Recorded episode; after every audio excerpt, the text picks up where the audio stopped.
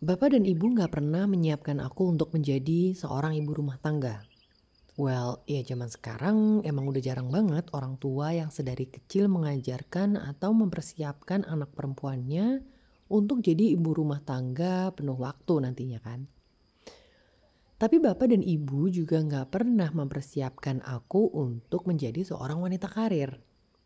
Mereka sama sekali nggak pernah mengarahkan jurusan apa yang harus aku ambil pas kuliah supaya punya karir yang cemerlang nantinya. Mereka nggak ngasih target harus sekolah setinggi apa. Awalnya dulu aku cuma mau ambil D3 ya. Hmm, mereka juga nggak keberatan. Terus karena tanggung, aku lanjutin sekalian S1 dan seterusnya. Begitu aku pulang ke Indonesia dan kerja sebentar habis itu resign, mereka juga gak komentar apa-apa. Malah kayaknya yang ada makin bahagia. Kalau ada yang tanya apa tujuanku sekolah lama-lama adalah karena aku suka. Bukan aku suka belajar ya, aku suka apa yang aku pelajari. Ya gimana enggak, 12 tahun aku tuh ngerasa kayak dipaksa untuk mempelajari pelajaran yang aku nggak suka with all due respect ya for chemistry, math, and physics. Begitu aku bisa memilih apa yang aku pelajari, ya I went all in for it. Tapi sama sekali bukan supaya aku bisa dapat kerjaan yang bagus dan jenjang karir yang cemerlang. Entah kenapa jadi wanita karir sama sekali nggak ada di pikiranku. Ya mungkin karena ibu juga bukan wanita karir kali ya, jadi aku nggak terbiasa sama konsep itu. Dua tahun yang lalu alhamdulillah aku benar-benar mantep untuk jadi ibu rumah tangga penuh waktu. Ya karena setelah dicoba kerja kurang dari dua tahunan, badanku tuh udah berantakan. As it turns out, my body and hormones just can't handle the stress, the workload, and anything in between. Jadi ya udah, Aku pikir kenapa nggak aku gunakan waktu ke sekarang untuk benar-benar belajar jadi seorang ibu rumah tangga. Yep, you heard it right. Belajar jadi ibu rumah tangga. Karena ternyata untuk jadi ibu rumah tangga yang nggak biasa-biasa aja tuh butuh banyak cabang ilmu.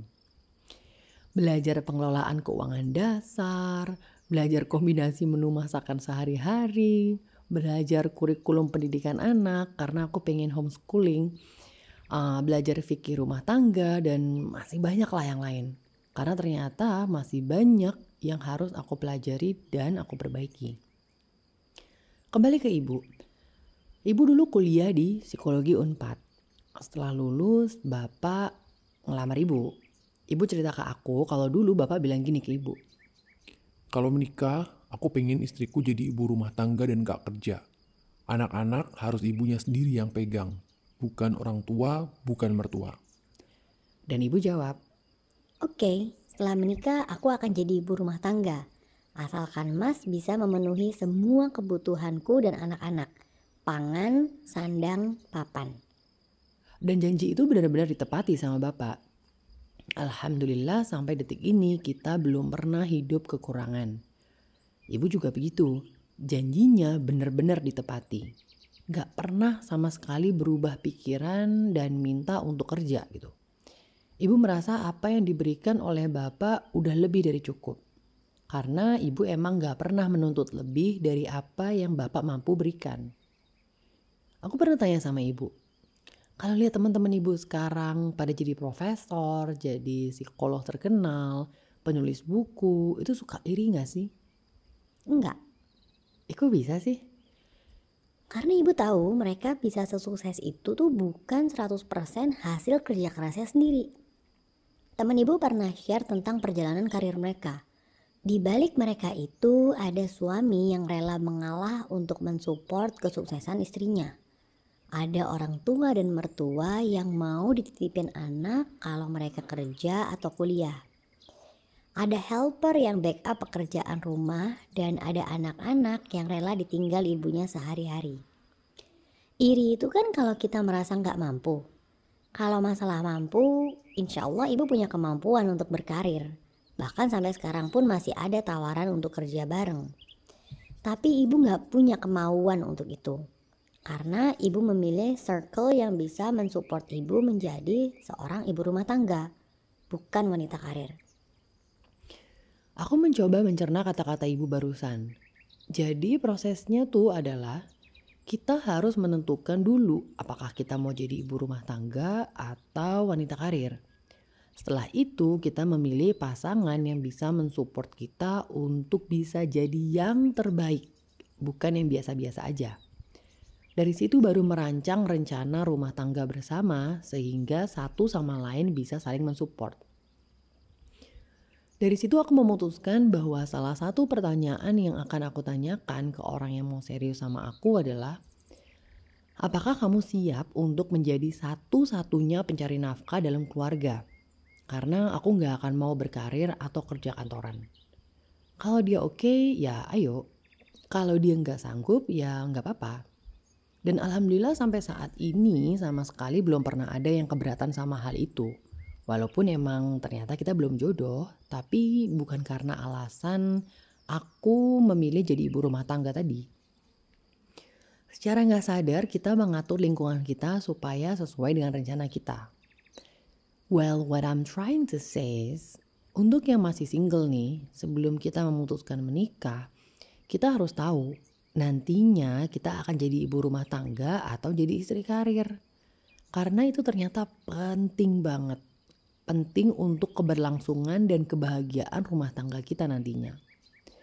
Kalau ada yang kayak aku udah niat jadi full time housewife, ya harus cari suami yang gak akan menuntut kita untuk bekerja dan untuk membantu dia memenuhi kebutuhan keluarga.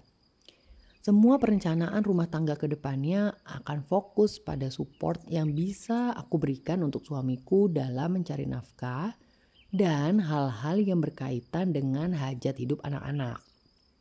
Kalau semua udah settle, ya masing-masing tinggal menjalani sesuai dengan janjinya. Jangan sampai di tengah jalan beride untuk jadi wanita karir. Karena support sistemnya kita bentuk bukan untuk mensupport itu, Apakah suami akan ridho istrinya kerja kantoran? Apakah anak-anak bisa mengerti kalau harus bisa berjam-jam dengan ibunya? Apa mertua dan orang tua bisa standby jagain anak-anak in case ART bermasalah? Semua bisa berantakan. Dan itu semua untuk apa? Hanya supaya kita bisa punya pencapaian yang sama dengan orang lain. Atau untuk membuktikan kalau kita juga mampu. Kalau ada yang udah niat untuk jadi istri yang berkarir, ya harus cari suami yang bisa menerima pekerjaan kita. Yang gak menuntut kita untuk bisa ngerawat anak full time. Karena waktu itu aku pernah ketemu sama orang yang pengen punya istri wanita karir, tapi anak-anaknya gak boleh dititipin ke neneknya dan gak boleh dipegang sama helper. Sampai sekarang masih jadi misteri buat aku gimana caranya presentasi di depan direksi sambil gantiin popok anak gitu. Semua perencanaan rumah tangga ke depannya akan fokus pada support yang bisa diberikan satu sama lain supaya masing-masing bisa mengembangkan karirnya dengan baik dan perencanaan keuangan yang akan bersumber dari dua income.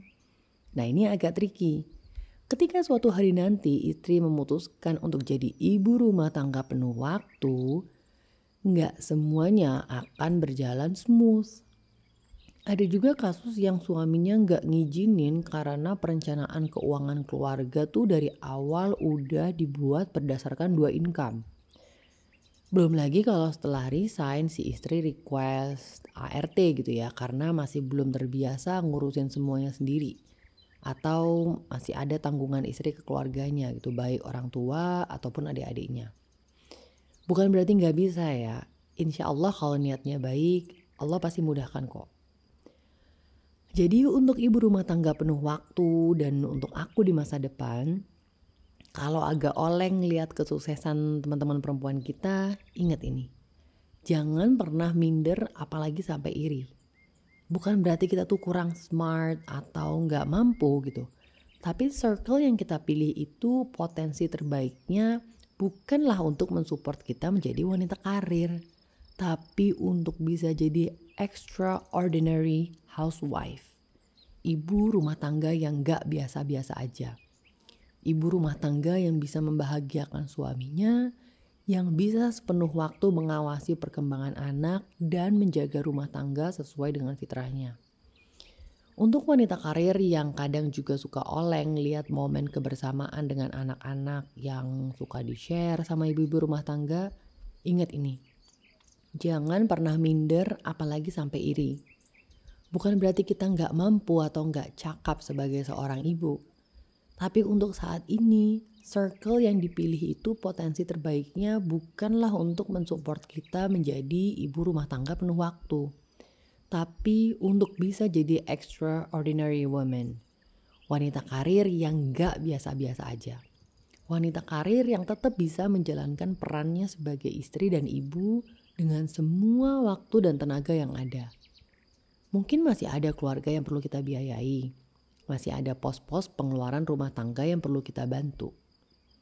Ibu rumah tangga atau wanita karir ini bukan tentang mana yang lebih baik selama suami meridoi apa yang kita lakukan dan tidak mengabaikan apa yang menjadi kewajiban kita sebagai seorang perempuan, sebagai seorang istri, sebagai seorang ibu dan seorang anak, maka lakukanlah yang terbaik. Lakukan semua untuk mendapatkan keridoan Allah melalui ridhonya suami. Kalau kita tidak bisa memiliki apa yang kita cintai, maka kita harus bisa mencintai apa yang kita miliki.